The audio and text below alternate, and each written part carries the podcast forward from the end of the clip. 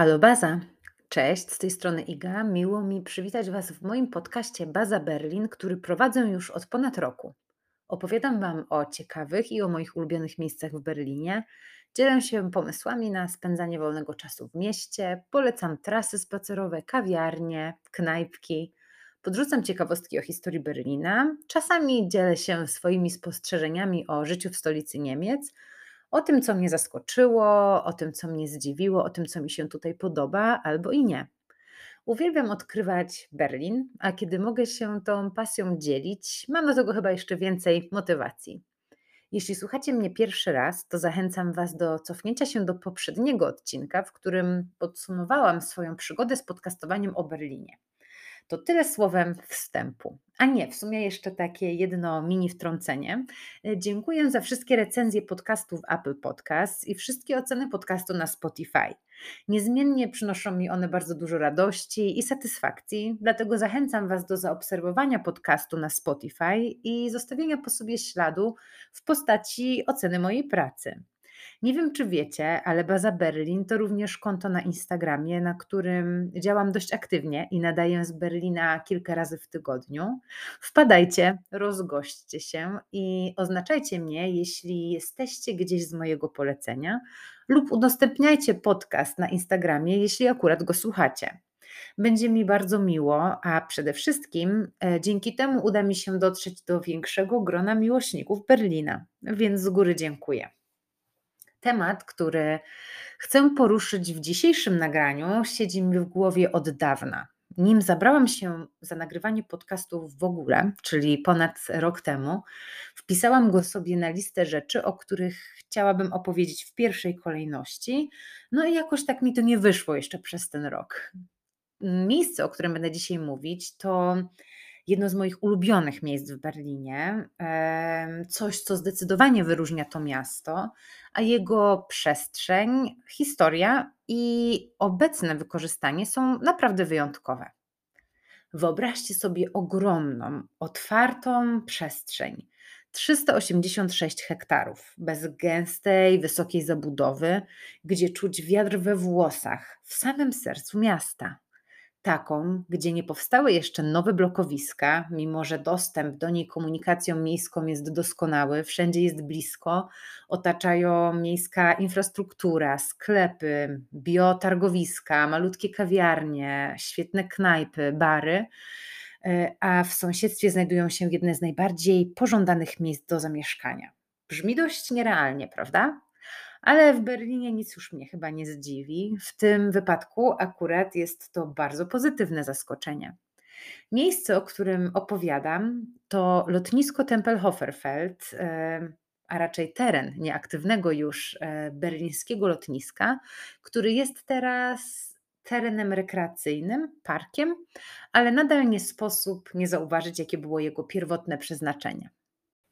Historia lotniska i samego terenu Tempelhoferfeld jest dość burzliwa i interesująca. Nie chcę wchodzić w szczegóły, bo historia ani nie jest moją pasją, ani nie mam szerokiej wiedzy historycznej. E, sporo czytałam, e, sporo poszperałam w książkach e, o Berlinie, które już mam. E, przejrzałam internet wzdłuż i wszerz i wybrałam się na zwiedzanie lotniska, o którym Wam opowiem.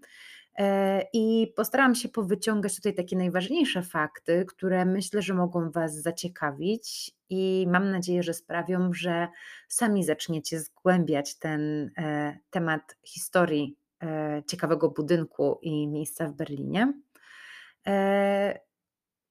Dlatego opowiem kilka słów e, na ten temat. Myślę, że warto zacząć od tego, gdzie w ogóle ten Tempelhoferfeld i to lotnisko się znajduje. Otóż na Tempelhofie. Tempelhof to dzielnica w okręgu Tempelhof-Schöneberg, która poza granicą Niemiec y, i poza granicami Berlina słynie właśnie z lotniska. Nim Tempelhof został uznany za dzielnicę miasta, był po prostu małą wioską, jak wiele innych części Berlina. Powstała ona w XIII wieku, założona została przez templariuszy i były to przede wszystkim tereny rolnicze. W drugiej połowie XVIII wieku Fryderyk Wilhelm stworzył Tempelhoferfeld, a raczej wyznaczył fragment terenu na miejsce defilat dla swojej armii. Pod koniec XIX i na początku XX wieku organizowano tam innymi pokazy aeronautyczne i loty próbne różnych maszyn. Berlińskie lotnisko oficjalnie zostało otwarte w październiku w 1923 roku mm, i zdecydowanie różniło się od tego, które możemy oglądać do dzisiaj. Miało tylko kilka hangarów i drogowskazów. Pięć lat później zostały one zastąpione przez terminal z hotelem, z restauracją i z betonowym lądowiskiem dla samolotów. Pierwszy z terminali mm, otwarty został w 1927 roku. Oczekiwano narastającego zwiększenia ruchu pasażerskiego, w związku z czym podjęto decyzję o przyspieszonej rozbudowie.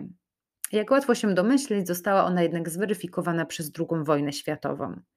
W jej pierwszych miesiącach ograniczono większość lotów, ale w 1940 zaczęły one z powrotem funkcjonować coraz częściej, coraz intensywniej.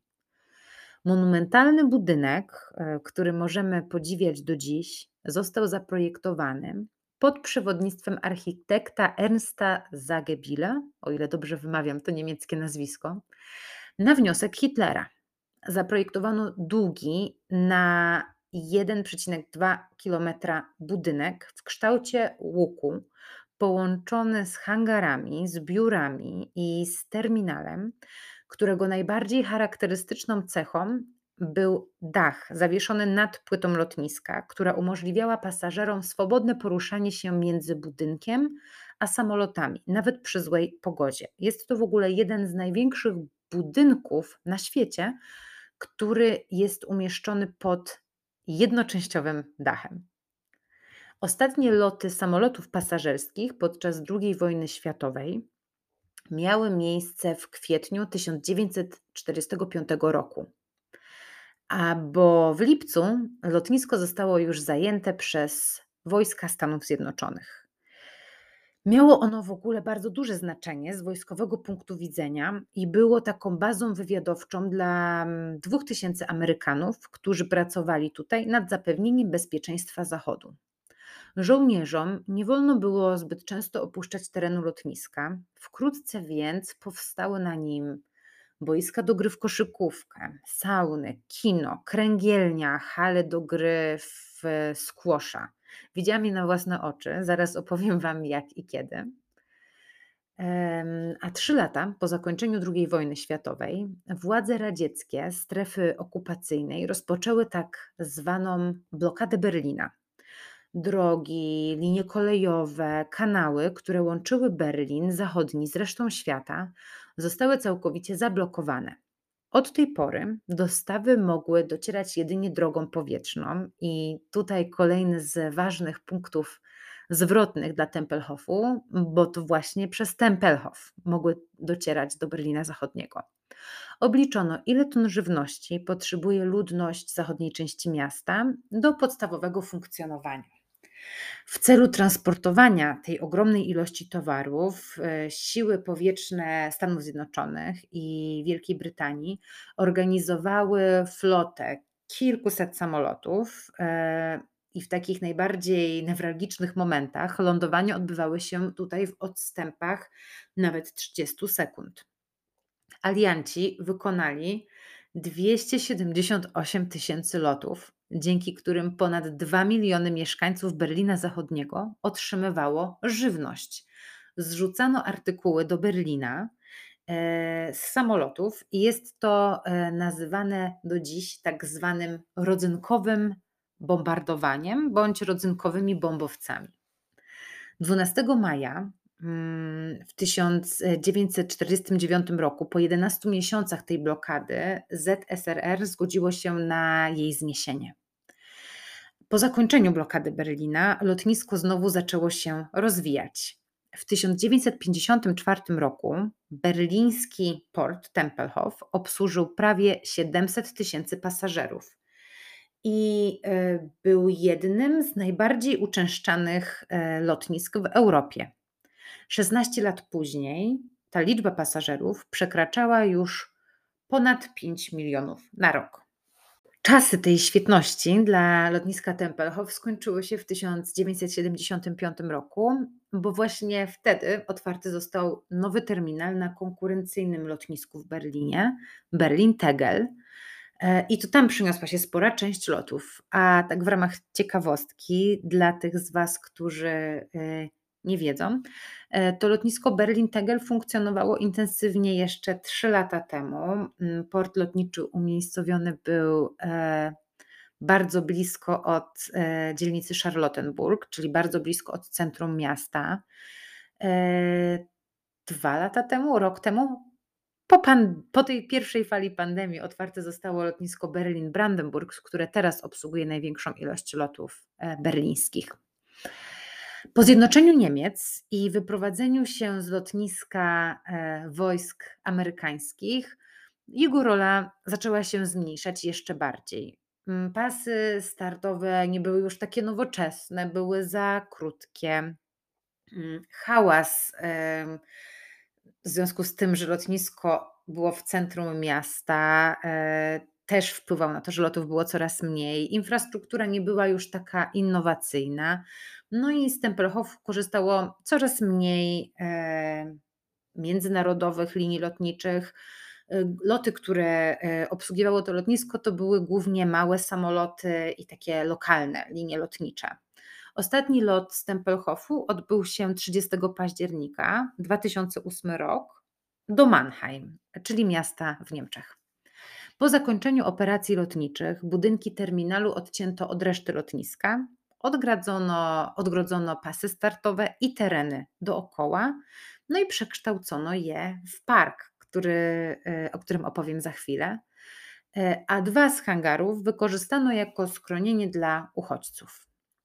Główny budynek lotniska i hangary w niezmienionym stanie stoją w Berlinie do dzisiaj. Robią wrażenie. Według mnie jest to jeden z najbardziej imponujących budynków w Berlinie. Jest ogromny, trochę przeraża, sprawia, że czujemy się malutcy. No jest po prostu wyjątkowy, tak jak jego historia.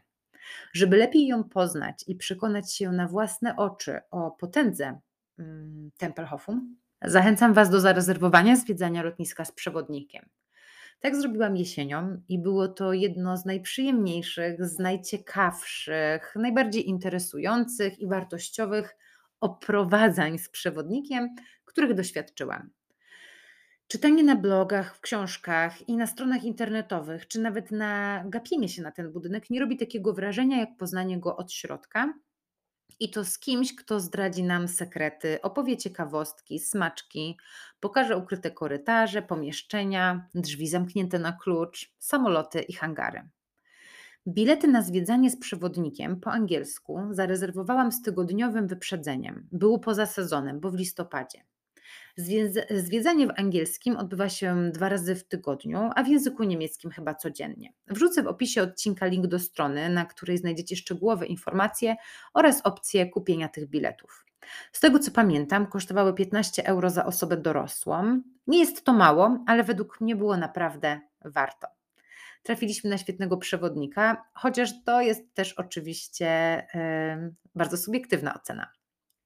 Mm, bardzo często przewodnicy, przynajmniej ci, na których ja trafiłam podczas zwiedzania wielu miast, są bardzo entuzjastyczni, uwielbiają wplatać żarty w swoje opowieści, animować grupę. Ja nie lubię takiego stylu na siłę i chyba mnie to trochę męczy, dlatego lekko zgryźliwy Holender w średnim wieku, mieszkający w Berlinie przez pół życia, który wprost opowiadał nam o tym, co oglądamy, czasem zapodał jakąś anegdotką lub ironią, zdecydowanie bardziej mi przypasowało. Opowiadał bardzo ciekawie i oddał atmosferę tego miejsca. Jak już mówiłam, budynek robi naprawdę ogromne wrażenie. Mm, w środku znajduje się ponad 7 tysięcy pomieszczeń. Nie został on dotkliwie zniszczony, w sumie prawie w ogóle nie został zniszczony w czasie II wojny światowej. W ogóle jeszcze taka mała ciekawostka z za czasów Hitlera. Specjalnie dla niego zostały wybudowane tutaj windy i osobne wejścia, ale koniec końców Hitler nigdy nie leciał z tego lotniska. Terminal i hala odlotów z lat 60. z restauracją z oldschoolowym szyldem przenosi nas dekady wstecz. Wygląda imponująco, bo w sumie nie różni się drastycznie e, na przykład od, e, lotnisk, z których latamy teraz. Jest wręcz bardziej nowoczesne i bardziej funkcjonalne od małych lotnisk turystycznych, na przykład na greckich wyspach. Jeśli jeszcze chodzi w ogóle o sam budynek, to teraz poza tą funkcją powiedzmy muzealną, odbywają się tutaj koncerty, pokazy mody, wystawy. Hangary wynajmowane są na imprezy firmowe na kilka tysięcy osób, kilkanaście tysięcy osób. Są tutaj organizowane targi, festiwale. Miałam przyjemność być na imprezie zamkniętej właśnie na terenie Tempelhofu ze sceną, z DJ-em w hangarze i było to niesamowite, super uczucie. Polecam śledzić wydarzenia, wystawy i koncerty, które się tam odbywają, bo naprawdę warto. To, co rzuciło mi się ostatnio w oczy, to tymczasowe kino. Do końca lutego, od czwartku do soboty, będą tutaj wyświetlane klasyczne i kultowe filmy. Jeśli jesteście zainteresowani, to sprawdźcie w jakiej wersji językowej. Nie w samym budynku, ale na płycie lotniska odbędzie się też w czerwcu festiwal, na który trochę się czaję. Kiedyś, dawno, dawno temu uwielbiałam festiwale muzyczne. Jeździłam na openera, selektora, kołka do Krakowa, skakałam pod sceną, spałam na polu namiotowym i te sprawy.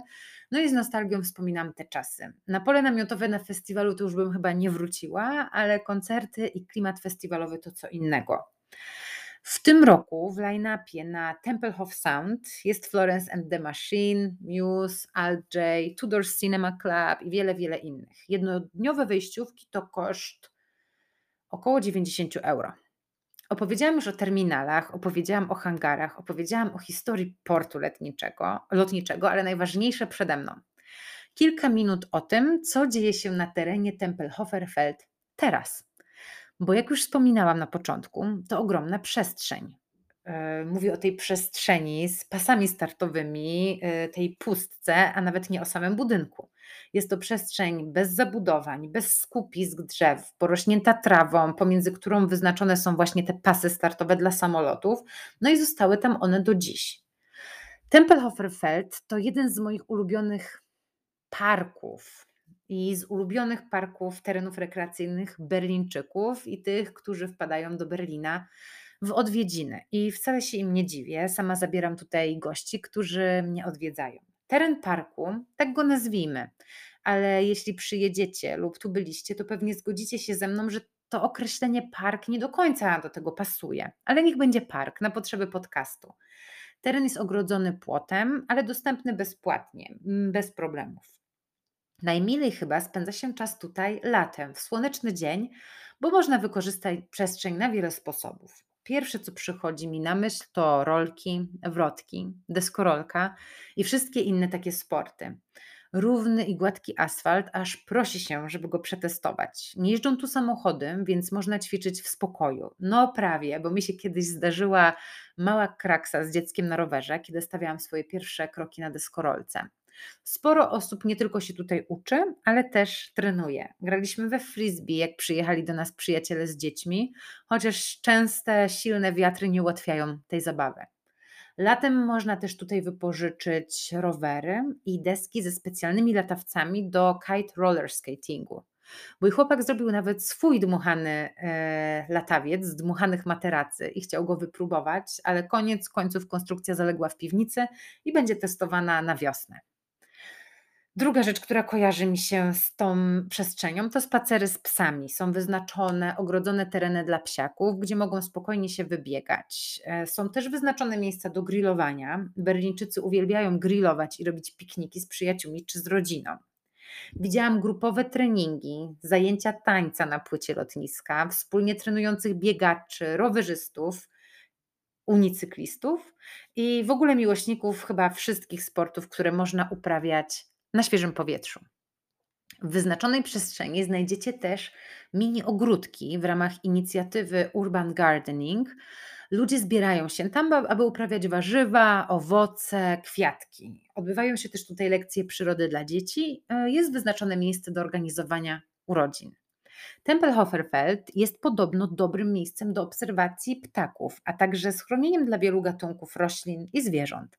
Nie zdziwcie się, kiedy na jednej części zobaczycie pasące się owieczki, bo taki widok jest też tutaj normalny. Napijecie się kawy, zjecie lody, wypijecie coś zimnego z food trucka czy ogródka piwnego, który działa latem na jednej z części płyty lotniska. Teren jest spory i spacer dookoła zajmuje dobrą godzinkę, dlatego polecam wziąć coś ze sobą. Kiedy tylko spadnie śnieg, na Tempelhofie robi się tłoczno ze względu na kilka małych pagórków na zboczu terenu, które są wtedy totalnie eksploatowane przez saneczkowiczów. Rok temu widziałam też kilku typów, którzy jeździli tutaj na biegówkach. Ja lubię spacery na Tempelhofie w każdej porze roku, zimą i jesienią też, kiedy jest tutaj pusto i szaro. No, fakt, działa to trochę depresyjnie, ale uczucie przestrzeni, ciszy i spokoju jest całkiem przyjemne po intensywnym tygodniu pracy. Oczywiście nie polecam, kiedy wieje wiatr, bo jest on tam o wiele, o wiele bardziej odczuwalny. Tempelhoferfeld to zdecydowanie jedno z ulubionych miejsc Berlińczyków, turystów i na pewno jedno z moich ulubionych miejsc w Berlinie. Pokazuję je moim gościom. Jeździłam tutaj z tatą na rowerze, ze znajomymi na desce. E, byłam z siostrą, kuzynkami i najbardziej podobało się chyba moim przyjaciołom z dzieciakami, bo ich e, synek mógł spokojnie jeździć na rowerze, a mój chłopak mógł gonić go na deskorolce. E, co kilka lat organizowane jest referendum w Berlinie, w którym ważą się losy tego parku, bo jak łatwo się domyśleć, jego atrakcyjna lokalizacja wpływa na potencjalne zainteresowanie terenem przez deweloperów. Na kolejne lata mamy jednak spokój, z parkiem nic się nie zmieni. Jeśli będziecie w Berlinie, pogoda będzie dopisywać, nie omijajcie tego punktu w waszym planie zwiedzania. Mm, a do zwiedzania budynku zachęcam niezależnie od aury, na zewnątrz. Godziny otwarcia parku są ograniczone. Latem działa chyba od 6 rano do 22, w pozostałych miesiącach trochę krócej. Wszystkie informacje dostępne są na oficjalnej stronie internetowej. Jak dotrzeć e, do parku i na teren lotniska? Jest on położony, można powiedzieć, w samym sercu miasta, więc dojazd tutaj to nie problem. Jeśli chcecie zobaczyć główny budynek lotniska i udajecie się na zwiedzanie, wybierzcie linię metra U6 i przystanek Plac de Luftbrücke.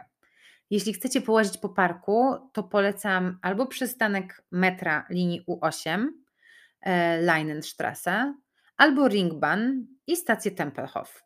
Mini tip. Obok lotniska znajduje się jedna z moich ulubionych części dzielnicy Neukölln, Schiller Kids.